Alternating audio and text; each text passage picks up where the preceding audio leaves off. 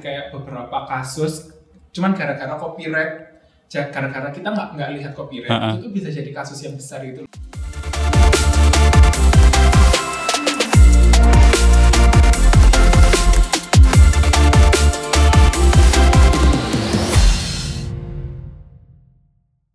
Halo everyone, welcome back to Level Podcast, tentunya di segmen Ruang Kreatif.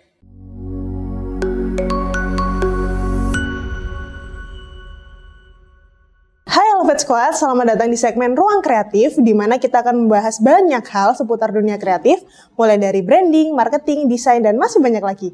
Yuk langsung aja. Balik lagi bareng aku Reja, di sini tentunya nggak sendiri, aku bareng Hai, aku Randy. Hai Mas Ren, Halo Reja. gimana kabarnya? Alhamdulillah sih. Nah, kita udah jarang podcast berdua. Iya, udah terakhir kapan itu ya? Ini pertama kalinya ya, kita podcast, apalagi kita, kita lagi onsite di sini. Iya, benar-benar. Ngomong-ngomong nih ya, soal eh, dunia pekerjaan. Ya. Ini kan sekarang itu sudah makin bereksplorasi lah ke mana aja pekerjaan. Mhm. Tapi kan di mana di mana ada pekerjaan kan pasti kita juga ada batasan-batasan kan ya, ada peraturan-peraturan ya. Ya. Terus salah satunya ini dalam dunia bisnis dan industri nih. Se- uh, mostly industri kreatif ya Mhm. kan. Uh, apalagi kita kita dalam industri kreatif itu kita menghasilkan beberapa karya Mm-mm. dan karya itu juga bisa dalam bentuk foto, video, dan musik. Macam-macam banget ya, Nah, eh, bervariasi. kan pasti kita butuh uh, nggak nggak asal nggak asal langsung kita ambil meng- maksudnya bikin karya Iya. itu nggak nggak asal langsung bikin karya gitu kan pasti Ah, ah, ada ah. pedoman-pedomannya Ya, benar. salah satunya adalah beberapa hal yang bisa diperhatikan dalam publish konten itu kayak Hmm. uh, kita mesti memastikan bahwa konten yang terupload itu sesuai dengan plan kita Hmm. dan juga goals kita juga melakukan uh, cek dan recheck misal dari segi uh, peletakan logo Hmm. atau typo-typonya juga ya Iya. Terus eh, pastinya juga menentukan kayak itu konten kita mau diupload di platform yang mana sih gitu kan. Heeh. Kalau apa ya misalkan mau video gitu misal cocoknya di TikTok atau Instagram. Kalau misalkan konten yang artikel gitu mungkin bisa di eh, LinkedIn atau di Facebook gitu misalnya kan. Terus eh, pastinya juga perlu merhatikan yang namanya eh, copyright sih. ah Mm-mm. copyright Copyright itu kadang kan orang kayak eh, meremehkan gitu ya. Ah, tapi padahal itu penting gitu kan. Ah, sangat krusial kalau misalnya kita mau bikin konten. Mesti merhatiin banget eh, apa namanya? copyrightnya. Mm. penting banget kan ya dan itu banyak banget kita sering uh, mengesampingkan copyright padahal kalau misalnya kita uh, nggak me- nggak membaca terms and condition dari copyright itu kan bisa berakibat fatal juga Iya, ya buat uh-uh. karya kita Benar. Terus eh, copyright sendiri juga ada tujuannya yang apa ya untuk mengun- menguntungkan kita sebagai seorang kreator gitu loh. Eh, misalnya itu untuk melindungi apa ya istilah itu kayak karya kita itu bisa ada perlindungannya gitu. Jadi biar nggak di copy oleh orang lain, nggak digunakan secara sembarangan oleh orang lain kayak gitu sih. Dan tidak dipakai secara apa ya? Tidak tanpa izin. Kalau orang lain mau pakai itu nggak bisa sembarangan gitu loh kalau kita Ah. kalau kita punya kalau ada copyright ini tuh. berarti secara nggak Hmm. langsung copyright ini uh, termasuk bentuk perlindungan terhadap suatu karya Iya, benar benar. soal uh, copyright ya Hmm. itu ada juga istilah um, ada copyright Uh-huh. ada trademark dan juga hak paten Nah, Nah ya. itu sebenarnya eh, tiga istilah itu pasti beda kan, beda-beda kan Hmm, ya. hmm. Kalau misalnya copyright itu eh, dia itu hak cipta Mm, yang melindungi hasil karya seseorang dari eh, tindakan yang tidak bertanggung jawab. Contohnya Hmm. kayak eh, menyalin atau melakukan plagiarisme. plagiat gitu ya. Nah kalau trademark itu eh, dia ini tanda yang membedakan eh, suatu barang atau jasa dengan eh, seorang bisnis dengan Hmm. bisnis orang lain. Hmm, Kalau misalnya hak paten sendiri itu lebih ke eh, lisensi yang melindungi suatu penemuan baru. hmm. Misal kita berinovasi kayak bikin teknologi apa gitu biasanya ya. Nah, Hmm. ya penemuan itu juga bisa jadi eh, sesuatu yang dapat dibuat atau digunakan serta belum diketahui juga secara umum gitu. Hmm, jadi hak iya, paten iya, ini bisa dibilang kayak di atasnya di atasnya copyright. Copyright ya. Oke. Uh, nah terus kalau ngomongin copyright nih, copyright sendiri juga ada macam-macam juga sih jenisnya. Misalnya kayak ada uh, yang namanya full copyright. Jadi dia itu copyrightnya mencakup keseluruhan dari karyanya gitu. Oh. Jadi emang kalau misalkan kita mau memakai karya yang ada full copyrightnya itu emang lebih susah gitu loh, lebih ribet gitu lah perizinannya gitu. Misalkan kayak lagu komersil gitu ya, atau mungkin film gitu kan, kalau kita mau pakai kan ya nggak bisa sembarangan gitu kan, itu ada ada ada copyrightnya sendiri. Terus ada juga yang namanya Creative Commons. Creative Commons ini dia uh, apa ya? Ada peraturannya sendiri gitu loh. Kalau nggak salah ada enam macam uh, Creative Commons gitu. Jadi Wah, dia uh, uh, itu mengatur kayak misalkan sebuah karya ini tuh bisa kita pakai secara komersil atau enggak atau misalkan kita bisa pakai uh, apa namanya dengan modifikasi atau enggak kayak gitu. Uh, itu diaturnya di yang namanya Creative Commons ini. Terus kalau ada juga yang namanya public domain. Kalau public domain ini dia tuh lebih lebih bebas lagi sih. Jadi kayak misalkan copyrightnya ini udah kadaluarsa nih sebuah karya, copyrightnya udah habis. Nah itu bisa kita pakai oleh semua orang. Maksudnya orang semua orang tuh bisa pakai karya itu. Bebas, ya, lebih, mm -hmm. lebih bebas ini. Iya. Uh, sama kadang juga kalau misalkan si penciptanya ini udah meninggal gitu ya, udah nggak ada terus udah lewat sekian tahun gitu, itu sebuah karya bisa masuk ke public domain dan bisa dipakai secara bebas oleh uh, semua orang. Kayak gitu sih. Berarti itu kalau misalnya kita pakai karya yang orang yang sudah meninggal, nggak ada yang dapat keuntungan dari itu ya? Uh, kalau misalkan dia udah masuk ke public domain sih, mestinya enggak Harusnya. sih. Nah, uh, kira-kira produk apa aja sih yang bisa kena copyright? Mm-hmm. Itu salah satunya tadi yang udah beberapa kita sebut ya, mm-hmm. kayak misalnya uh, karya tulis, terus uh, gambar motion dan uh, audio juga mm -hmm. kan. terus sama musik juga ya musik film gitu juga kan biasanya. Ya. terus kayak karya artistik misal lukisan atau gambar ya. ilustrasi gitu kan. Desain juga kan yang kita udah sering ber apa ya berurusan dengan kayak gini kan ya yeah. desain terus uh, apa ya template-template gitu mungkin font juga. Hmm. Hmm, font juga kan. Terus konten website atau juga aplikasi gitu software gitu kan biasanya. Uh, itu sih. Program Terus, komputer juga. Iya uh, nah bahkan ada hmm. ada nggak sih kayak beberapa kasus cuman gara-gara copyright gara-gara kita nggak nggak lihat copyright uh, uh. itu tuh bisa jadi kasus yang besar gitu loh iya um, kayak salah satunya itu yang simpelnya nih misal mm -hmm. kita ngambil foto nih ya dari Google secara yeah. atau mungkin pakai phone demo misalnya mm -hmm uh, yang bukan untuk commercial use. Biasanya kita kan kalau misalnya kita as desainer kan juga butuh cepat ya, jadi yeah. kita mainnya di buru-buru ngambil gitu lah. Uh, di Clipping, mainnya di Envato dan itu kan um, secara nggak langsung kita tuh kadang kelupaan untuk lihat lisensi. Mencek lisensinya. Kan juga penting kan. Iya benar. Kan ada juga yang lisensinya itu for personal use, mm -hmm. ada juga yang for commercial boleh. Gitu boleh kan. ya. kan kadang uh, kita lupa sih uh, uh, uh. Padahal itu juga bisa jadi sebenarnya simple, tapi kalau misalnya kita kelewatan gitu ya, ya kan uh, bisa jadi kasus yang besar. Iya benar. Dan ada lagi juga dulu tuh pernah uh, kapan lalu tuh ada lagi mas. Uh, jadi itu kasusnya si uh, Pamungkas.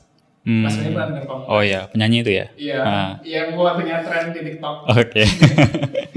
nah itu dia kan pakai uh, kayak uh, karya artistik dari orang gitu. Hmm. Jadi kayak senimannya uh, karya kayak lukisan gitu. Nah itu hmm. dimasukin ke dalam uh, album covernya. Oh. Jadi album covernya itu kan dia pakai kacamata gitu terus hmm, terus dia pakai apa album cover apa lukisannya itu hmm. dimasukkan ke oh. kacamata itu kayak apa sih overlay. Oh iya ya di, ya, di clipping mas gitu ya. Iya di clipping mas, di mas hmm. gitu. Dan itu itu jadi problem juga sih. Hmm. Dan itu hmm, sempat hmm. rame rame. Cuman sekarang udah tersettle ya.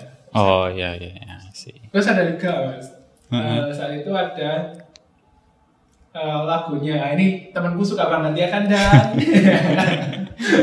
nah ini lagunya ini uh, lagunya aku bukan boneka. Jadi itu lagunya si KKI. Uh, uh. Itu dia uh, sama kayak musiknya itu sama, sama hampir member-member kayak lagunya hari ini yang boneka itu juga. Oh. Uh. Jadi itu juga sempat trending dan rame juga banyak hmm. yang uh, bahas-bahas juga. Hmm, hmm, hmm.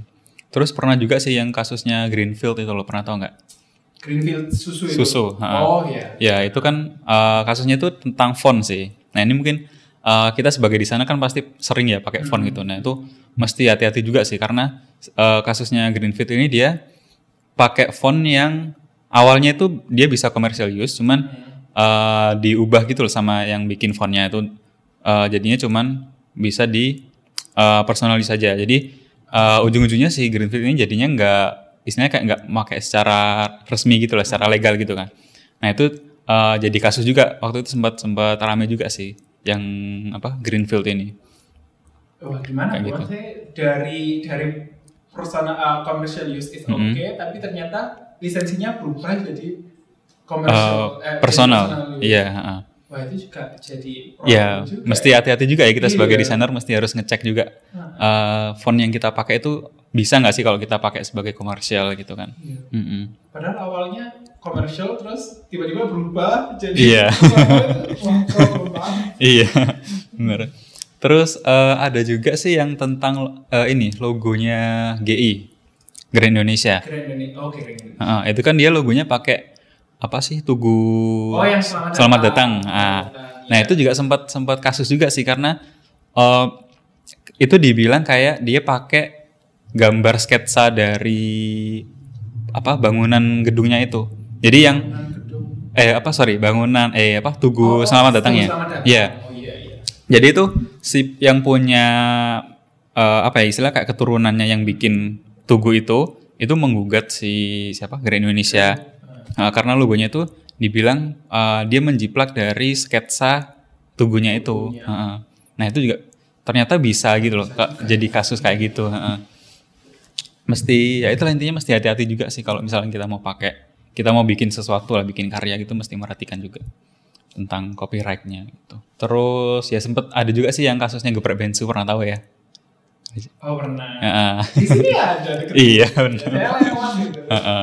Ya itulah pokoknya intinya banyak lah kejadian-kejadian yang berkaitan dengan copyright ini di Indonesia aja khususnya. Nah, nih buat teman-teman desainer nih yang yang kerjanya butuh cepat, misalnya langsung kayak kita kita gini langsung Mm-mm. ambil free pick, ambil Envato. Nah, itu uh, beberapa tips yang bisa kalian lakukan adalah salah satunya uh, selalu cek kalau misalnya itu uh, vektor ka- kalian harus cek itu free atau enggak dan benar-benar itu pastikan itu benar-benar free. Kalian juga harus baca term and conditionnya. Soalnya biasanya uh, walaupun itu tulisannya free, tapi itu ada type-nya kayak free for, For personal use, aja, heeh. free for commercial use Mm. itu itu kan juga mesti di, diperhatikan ya kan. Mm.